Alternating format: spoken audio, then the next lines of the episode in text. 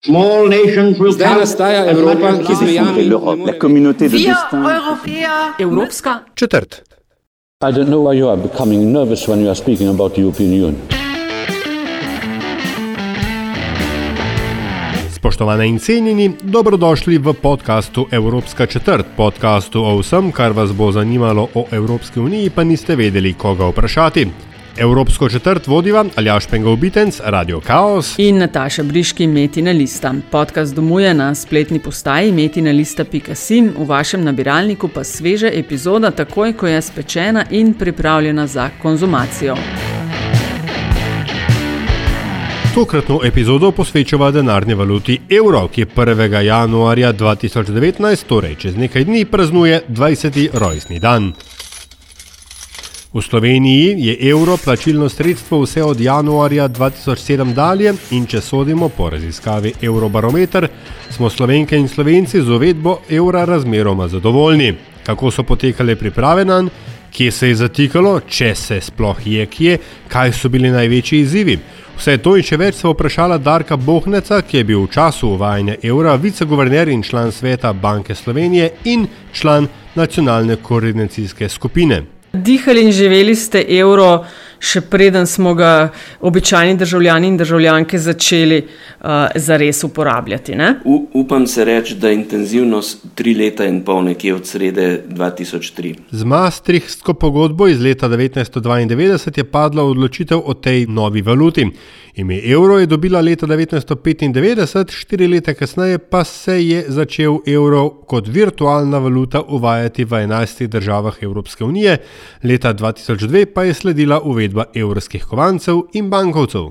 2004 pa Slovenija vstopi v EU in intenzivirajo se priprave na prevzem evra. Opazovanje, kako to poteka v drugih državah in tako dalje, to se je začelo že prej. Za dejanski prevzem evra pa je bilo treba zadostiti, to verjetno veliko krat slišite, tako imenovanim maastrichtskim kriterijem. Torej, te maastrichtski kriteriji so se nanašali na cenovno stabilnost, proračunski deficit, se pravi državni deficit ki ni smel presegati 3% bruto domačega proizvoda. Eh, naslednji kriterij je bil obseg eh, državnega dolga v odnosu do bruto domačega proizvoda, potem pa še eh, dolgoročne obrestne mere in potem je še en kriterij, ta peti, to pa je, da pogoj je bil, da je država v, v evropskem tečajnem mehanizmu, Pot, ki jo je bilo treba prehoditi, je bila dolga nekaj let, prednje Slovenija kot 13. država v Evropski uniji začela uporabljati evro, pove Darko eh, Bohnec. Poleg zakona o uvedbi evra, ki je posebej urejal številna področja, eh, eh, določil natančneje, kako naj bi zgledala uporaba evra in prehod na evro, še šest drugih zakonov. In tu so še priprave na dvigovanje denarja na bankomatih, konverzija, informativne cene, plačila s karticami, prilagoditi je bilo treba računalniško podporo in eh, zelo pomembno, spremeniti je bilo treba miselnost ljudi, pravi Bog. Zanimivo. Za razliko od kakih drugih držav, eh, nekako bolj občutljiva populacija je običajno starejših ljudi, to pri nas ni bil problem, eh, zaradi tega, ker so bili starejši ljudje uh, navajeni uh, izražati vrednosti v nemških markah iz obdobja visokih, visoke inflacije. To je zelo pomagalo, tako da dejansko se ni bilo toliko treba bati, kako bojo starejši ljudje reagirali na te spremembe. Pomagala je tudi izkušnja leta 1991, ki smo jo z menjavanjem valute imeli pri osamosvojitvi države, tako da je bil prehod leta 2007 na evro tudi zaradi tega nekoliko lažji. Kdaj jim je na Banki Slovenije srce najhitreje bilo, kje se je najbolj zapletlo in kaj je bil največji izziv? Lahko rečem, da niti v enem trenutku uh, zadeve niso bile ogrožene v tem smislu. Eh, ravno zaradi uh, dobre priprave, pravočasne priprave, uh, kvalitetnega vodenja projektov, ta struktura organizacijska projekta za prevzem evra je bila ustrezno oblikovana. Vseeno pa je bil ob pripravah na prevzem evra en dogodek malo bolj strašljive narave, pripoveduje Darko Bohnec, Banka Slovenija. Ponedeljek pred našimi prazniki 31. oktober in 1. novembra je ravno slučajno, ker je bil to edini deloven dan, nekje od sobote do uh, potem konca srede, uh, nastala neka um, špica pri uporabi kartic za plačilo in uh, kartic za dvigovanje gotovine.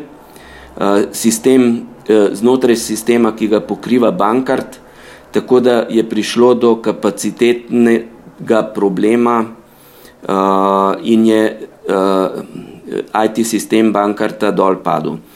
Uh, seveda to je bilo veliko upozorilo, da ne bi kaj podobnega se lahko zgodilo uh, po prevzemu, uh, po uvedbi evra, če bi slučajno tudi ljudje uh, iz Firpca uh, poskušali priti do evrov eh, na način, da bi eh, v večji meri uporabljali eh, recimo bankomate in podobno. Vse skupaj se je v bistvu zgodilo še v pravem času, tako so lahko v zadnjih nekaj mesecih še pravočasno izboljšali kapacitete obdelovanja tovrstnih transakcij.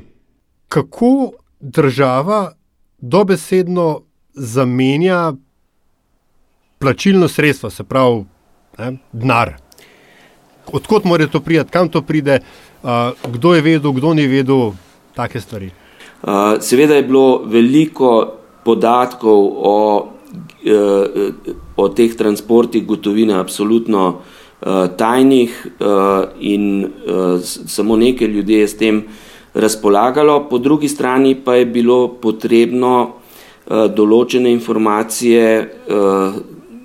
Eh, tudi dati na razpolago splošni eh, publiki. Eh, smo evre poznali iz naše upetosti v širše okolje, iz bližnje okolice Avstrije, Italije, pa iz službenih poti, tako da se je kot zanimivost izkazalo, da od 800 milijonov proti, v evrski protivrednosti tolerske gotovine v obtoku, je dejansko prišlo do menjave uh, bankovcev in kovancev iz tolerskih v evrske samo za protivrednost 200 milijonov. Torej, še, prosim, še, še, še ja. enkrat, ja, prosim. Ja. Uh, po naših podatkih, jasno, ker gre za knjigovodske podatke, ki morajo uh, absolutno biti točni, uh, je bilo gotovine v obtoku tolerske v protivrednosti okrog 800 milijonov evrov. Torej, samo eno četrtino uh, gotovine v obtoku je bilo direktno zamenjane, ne da bi šlo za porabo uh, tolarjev. Do tako rekoč popolne menjave ene valute na drugo je prišlo v 14 dneh, kar se je mnogim zdelo neverjetno, čež da bo nemogoče in tako dalje. In so napovedovali, da ne bi Slovenija za to potrebovala vsaj pol leta. Dejansko smo izhajali iz izkušnje, da smo dinarje zamenjali v tolarje v treh dneh. Uh, to je bil na nek način uh, osnova, uh, da zmoremo. Uh, začeli smo uh, na predpostavki, da bi uh, dvojni obtok bil sed, uh, sedem dni, potem pa je prišlo do kompromisa, na, uh, rečemo, uh, ne toliko na zahtevo, ampak z, uh, skozi razgovore, komunikacijo za Zvezo potrošnikov Slovenije in smo uh, potem uh, nekako dogovorno uh, se odločili za 14 dni, torej dva tedna.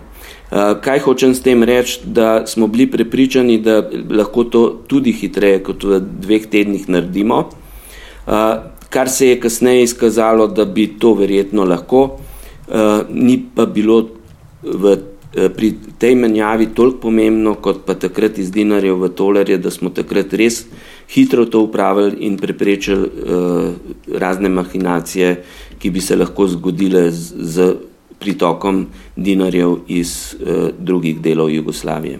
Mhm. Aha, je bil, dejansko je bil to pomislek, da bi se lahko to zgodilo. Uh, ja, takrat, ja, ja. ko smo hiteli v treh dneh, je bil to absolutno pomislek. Ja. Koliko zahtevnejši pa je bil nov sistem? Najprej je bilo treba se pravi iz jugoslovanskega na slovenskega, svojega postaviti, potem pa na tega evropskega. Koliko zahtevnejši je bil od tistega, kar smo imeli prej? Um, na nek način je bil zahtevnejši, na nek način pa morda tudi ne.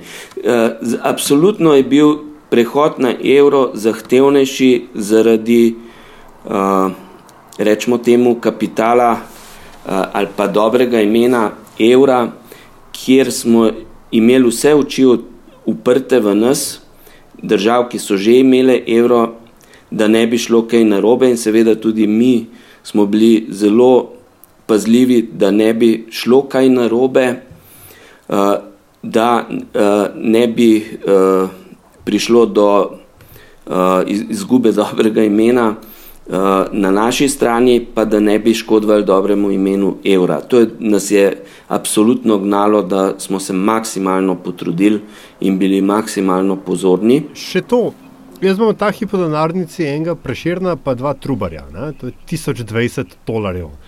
A, a jaz lahko s tem še kaj naredim, razen da grem, da dam v okvir? Uh, bankovci so Eh, neomejeno zamenljivi. Torej, če bi prišli na blagajno banke Slovenije, tam le na Štefanovi ulici, bi dubelj za to uh, okrog uh, 42, uh, ne 4,2 evra. Ja. 4,2 evra. Za ne ja. par kofetov. ja.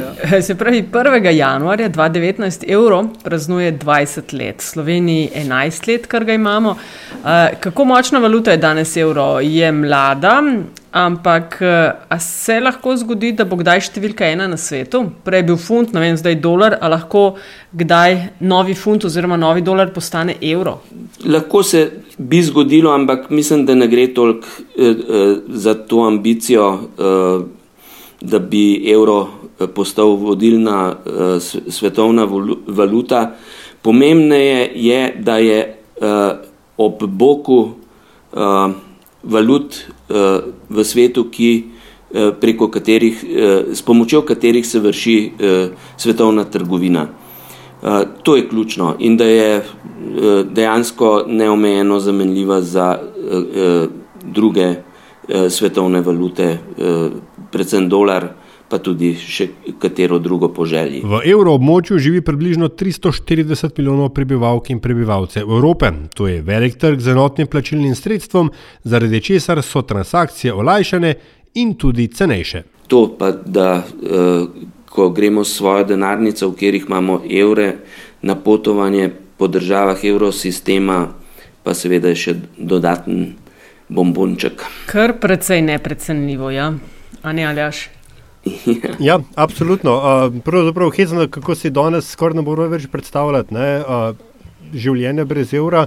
Pa jaz se še spomnim, ko smo vse cene preračunavali v nemške marke.